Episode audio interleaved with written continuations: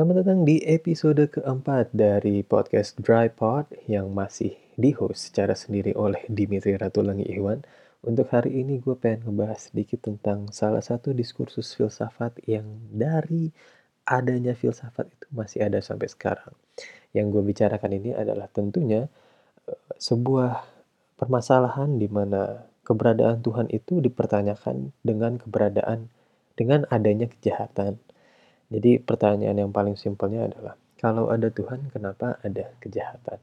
Tentu ini adalah pertanyaan yang tidak sering kita di eh, tidak sering dipertanyakan dalam konteks Indonesia karena memang eh, mayoritas dari penduduk kita adalah populasi yang mempercayai suatu agama atau belief system di mana ada suatu being, suatu deity yang kita anggap sebagai Tuhan. Dan Tuhan ini kita anggap adalah satu-satunya being yang memiliki kekuasaan yang sangat agung dan dia bisa uh, mengontrol semua aspek dari kehidupan manusia. Dan karena itu kita sangat uh, bias sangat saat membahas ini karena memang uh, presuposisi yang kita miliki itu adalah Tuhan itu adalah maha baik, maha ada, maha agung dan lain-lain.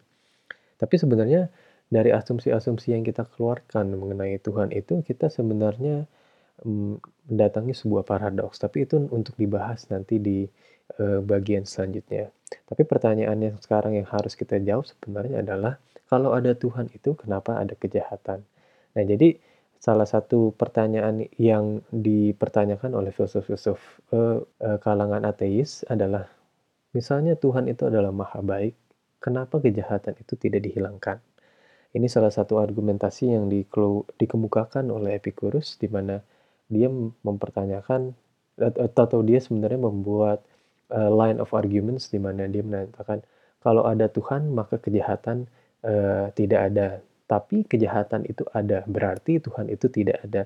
Itu adalah salah satu uh, silogisme argumentasi dari Epicurus yang menyatakan tuh keberadaan Tuhan itu tidak bisa dibuktikan karena adanya kejahatan namun tentu memang uh, sangat sulit untuk me mengambil posisi dari proposisi itu ada karena uh, kita sebagai suatu produk budaya yang mempercayai Tuhan akan sedikit sulit atau sedikit bias dalam uh, menerima proposisi itu atau mengkritik proposisi itu.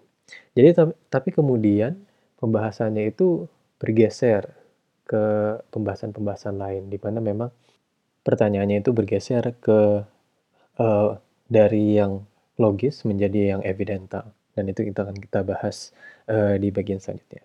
Tapi untuk bagian pertama ini gue pengen jelasin sebenarnya kenapa ada perbedaan itu, bukan kenapa ada pertanyaan apa yang ingin dijawab dari dua pertanyaan itu. Jadi permasalahan kejahatan itu kita bisa golongkan menjadi dua sebenarnya walaupun memang ada beberapa kategori lain, tapi Secara gamblang itu atau secara garis besar kita bisa bagi menjadi dua. Salah satunya adalah yang tadi kita bahas dari contoh Epicurus itu adalah suatu permasalahan logika atau yang kita sering sebut itu the logical problems of evil. Di mana kita ingin mengetahui kenapa Tuhan itu memperbolehkan keberadaannya kejahatan. Namun setelah kita kalau misalnya kita sudah bisa menjawab itu dan misalnya kita sudah menerima proposisi di mana Tuhan itu misalnya memperbolehkan kejahatan supaya kita bisa melihat sisi kebaikannya. Dari kejahatan itu atau dari suatu aksi e, misalnya kita sudah bisa menerima proposisi itu, tapi lanjut ke pertanyaan-pertanyaan selanjutnya yang termasuk di kategori evidential problem of evil. Di mana sebenarnya pertanyaan yang ingin dijawab adalah kenapa sakit kenapa ada banyak sekali kejahatan sampai kita harus mengexperience semuanya untuk baru tahu kebaikan kebaikan yang ada di balik dari kejahatan itu. Jadi sebelum kita lanjut sebenarnya kita harus mendefinisikan kejahatan itu sih kejahatan itu sebenarnya apa aja sih?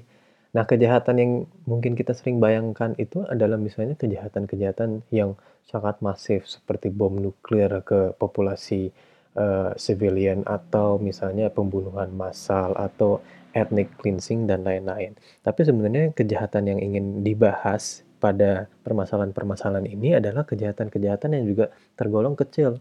Sebagai contoh adalah misalnya kita terkena paper cut uh, kaitannya dengan evidential problems of evil itu, pelajaran apa yang ingin kita dapatkan dari paper cut itu sendiri? Misalnya kalau kita ingin dari krisis corona ini, kita pengen mengambil pelajaran-pelajarannya, mungkin kita bisa secara uh, percaya diri mempertahankan posisi kita karena karena skalanya yang sangat massal. Namun misalnya untuk di level individu saat kita membicarakan tentang kejahatan, sangat tidak masuk akal sebenarnya untuk melihat the bright side of a paper cut. Kita tidak bisa menalarkan secara langsung kira-kira sisi positif dari paper cut ini apa ya? Dari kejahatan yang kecil ini apa ya? Itu adalah salah satu permasalahan yang dibahas dalam kategori evidential problems of evil, di mana sebenarnya masalahnya itu intel dari jawaban the logical problems of problems of evil di mana bila jawaban dari logical problems of evil itu adalah Tuhan ingin memberikan kita pengertian mengenai kebaikan dari kejahatan, pertanyaan selanjutnya adalah kenapa kenapa terlalu banyak kejahatan yang rasanya harus di experience oleh kita sebagai manusia untuk mengerti kebaikan dari kejahatan itu, kebaikan di balik kejahatan itu. Jadi ini salah satu pertanyaan-pertanyaan yang sebenarnya mungkin bagi beberapa dari kalian itu tidak masuk akal karena memang pertanyaan seperti ini menyinggung daerah-daerah yang mungkin sensitif untuk beberapa dari kalian.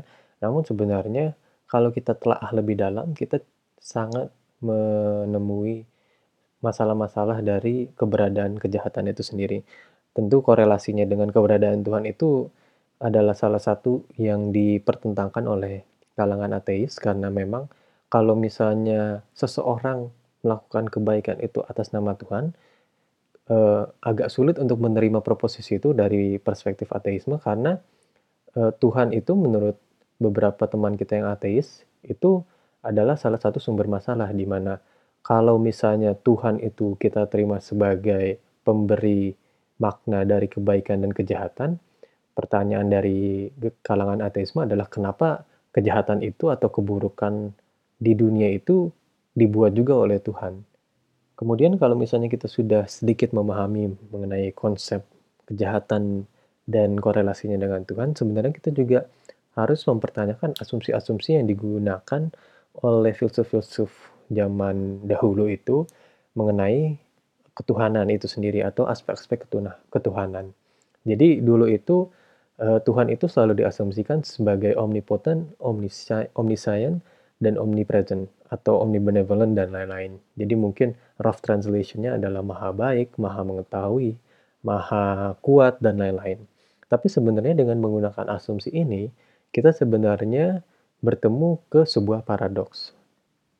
Salah satu paradoks yang bisa kita bahas adalah paradoks dari omnipotent, maha kuat. Di mana kita mempertanyakan kekuatan Tuhan dengan pertanyaan, apakah Tuhan bisa membuat batu yang dia tidak bisa angkat? Dua jawaban iya dan tidak dari pertanyaan ini sebenarnya menjadi masalah karena bila dia bisa membuat batu yang dia tidak bisa angkat, berarti ada batu yang dia tidak bisa angkat. Alhasil Tuhan itu tidak maha kuat. Untuk jawaban tidak, berarti dia tidak bisa membuat batu yang dia tidak bisa angkat.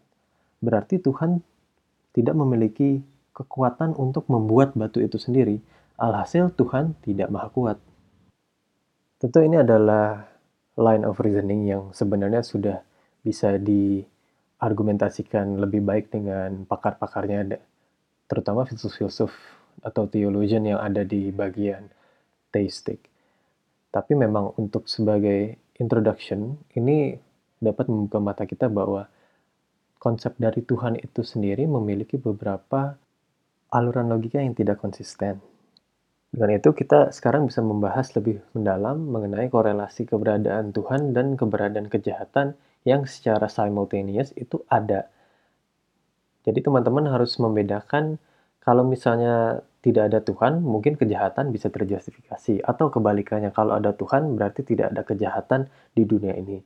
Tapi sekarang permasalahan yang diangkat adalah uh, waktu kebersamaan dari keberadaan Tuhan dan kejahatan itu tidak secara logika tidak masuk akal karena kalau Tuhan diasumsikan sebagai being yang maha baik, dan maha mengetahui dan maha kuat, maha bisa melakukan apa pun yang bisa kita pikirkan, kenapa kejahatan itu dipertahankan, let alone kenapa dibuat dari awal dan untuk manusia rasakan. Dan dari situ sebenarnya saya ingin menutup podcast ini dengan uh, meninggalkan pertanyaan ini kepada teman-teman sebagai pendengar. Mungkin teman-teman bisa berargumentasi dengan premis-premis yang lain atau menggunakan asumsi-asumsi ketuhanan yang lain. Mungkin kita bisa menggunakan asumsi kalau memang Tuhan itu jahat dan sekaligus baik dan itu tidak salah, tapi kita harus bisa menggunakan uh, prinsip logika yang masuk akal. Dan untuk itu, gue ingin menutup podcast ini berhubung sejujurnya gue nggak terlalu kompeten untuk membahas topik ini karena memang uh, filsafat religi atau filsafat agama itu adalah sesuatu yang sebenarnya bukan dalam minat gue. Tapi pembahasan seperti ini adalah sesuatu yang menurut gue sangat menarik untuk menantang teman-teman kita yang let's say percaya dengan kebaikan Tuhan, tapi kira-kira teman-teman harus mempertanyakan lagi teman-teman itu mempercayai Tuhan karena percaya saja atau karena kalian tahu Tuhan itu maha baik dan kira-kira justifikasinya apa saja. Nah, salah satu hal yang harus gue kedepankan kalau misalnya kalian ingin berdebat tentang hal seperti ini, kalian sebenarnya tidak bisa menggunakan argumentasi kebaikan Tuhan itu buktinya apa ada di uh, Alkitab atau ada di Al-Quran. Al-Quran itu datangnya dari mana? Dari Tuhan. Nah, Tuhan itu kebaikan dari mana? Dari Al-Quran. Dan itu akan terus-menerus melakukan uh, semacam logical fallacies di mana kita akhirnya tidak bisa menentukan uh, asal muasal dari Pertama, kitab suci yang dijadikan referensi dan dari substansi tuh ketuhanan yang kita ingin pertanyakan. Dan sebenarnya argumentasi oposisi dari argumentasi-argumentasi yang gue gunakan pada hari ini serta paradoks-paradoks yang gue jelasin tadi itu banyak sudah ditentang secara uh, baik oleh teman-teman kita filsuf dari kalangan uh, yang percaya Tuhan atau teistik. Tapi memang uh, ini untuk sebagai pembuka aja, mungkin untuk mengingatkan teman-teman kalau misalnya kepercayaan kalian terhadap Tuhan itu harus benar-benar dilandasi uh, pemahaman yang kuat mengenai uh, reasoning yang kita punya di mana kita tidak bisa secara buta mempercayai sesuatu tanpa mengerti sesuatu itu apa. Mungkin agak bingung. Ini yang ini yang paling seru sebenarnya saat ngebahas Tuhan itu adalah yaitu Tuhan itu sang, suatu konsep yang sangat sulit untuk dijelaskan dan dimengerti karena memang semua kitab suci uh, khususnya kitab suci agama-agama Ibrahim uh, menyatakan kalau kebaikan Tuhan itu hanya bisa diserap saja, hanya bisa di uh, apa namanya? bukan diserap, hanya bisa dirasakan atau diterima secara terbuka untuk bisa mengerti untuk teman-teman kita yang tidak bisa melakukan itu akan sangat sulit untuk mempercayai keberadaan Tuhan atau konsep Tuhan itu sendiri karena memang tidak bisa sesuatu itu ada tanpa eh, penjelasan yang logis atau masuk akal. Kemudian ditambah lagi dengan bila kita bisa mengerti atau bisa menjelaskan secara artikulatif mengenai keberadaan Tuhan, permasalahan dari uh, awal podcast ini adalah mempertanyakan kalau ada Tuhan yang maha baik, kenapa kejahatan juga ada. Dan mungkin ini bisa menjadi semacam pertanyaan yang menghantui teman-teman saat sebelum tidur, mungkin kalau kalian tertarik atau kalian sedang mempertanyakan kepercayaan kalian terhadap Tuhan, kalian bisa ini jatuhnya itu kalau di dalam ilmu filsafat itu adalah filsafat religi atau filsafat agama di mana kita mencoba untuk menjadi lebih kritis lebih kritis terhadap Eh, ajaran-ajaran uh, agama yang notabene-nya diturunkan sebagai wahyu oleh manusia. Eh, sebagai wahyu oleh manusia, sebagai wahyu oleh Tuhan untuk manusia. Dan untuk pembahasannya sebenarnya sangat kaya, tidak hanya sebatas Tuhan. Uh, pembahasan di filsafat religi itu juga membahas hal-hal seperti kenabian, seperti kebaikan, moralitas, seperti peraturan-peraturan apa yang haram, apa yang halal itu semuanya dikritisi. Dan kita mengasumsikan kalau agama itu yang kita kritiki adalah produk budaya, produk dari budaya agama itu sendiri. Jadi kita tidak mengkritik ajarannya secara langsung, kita hanya mengkritik apa yang manusia lakukan dengan agama itu karena memang hanya itu yang bisa kita kritik sebenarnya. Tapi kalau kita misalnya pengen naik ke level yang lebih tinggi itu sampai mempertanyakan ketuhanan itu sendiri, ini sudah masuk ke ranah-ranah yang uh, moralitas atau yang namanya itu meta etika, metafisika, dan intinya adalah konsep-konsep yang tidak bisa kita jelaskan secara fisik atau material. Dan sebelum gue agak ke mana-mana menjelaskannya, uh, eh, gue pengen tutup lagi. Uh, terima kasih teman-teman udah kembali mendengarkan podcast yang keempat ini. Semoga bisa semacam membuat kalian berdiskusi setidaknya dengan diri kalian sendiri khususnya mengenai keberadaan Tuhan yang bersamaan dengan keberadaan kejahatan di dunia.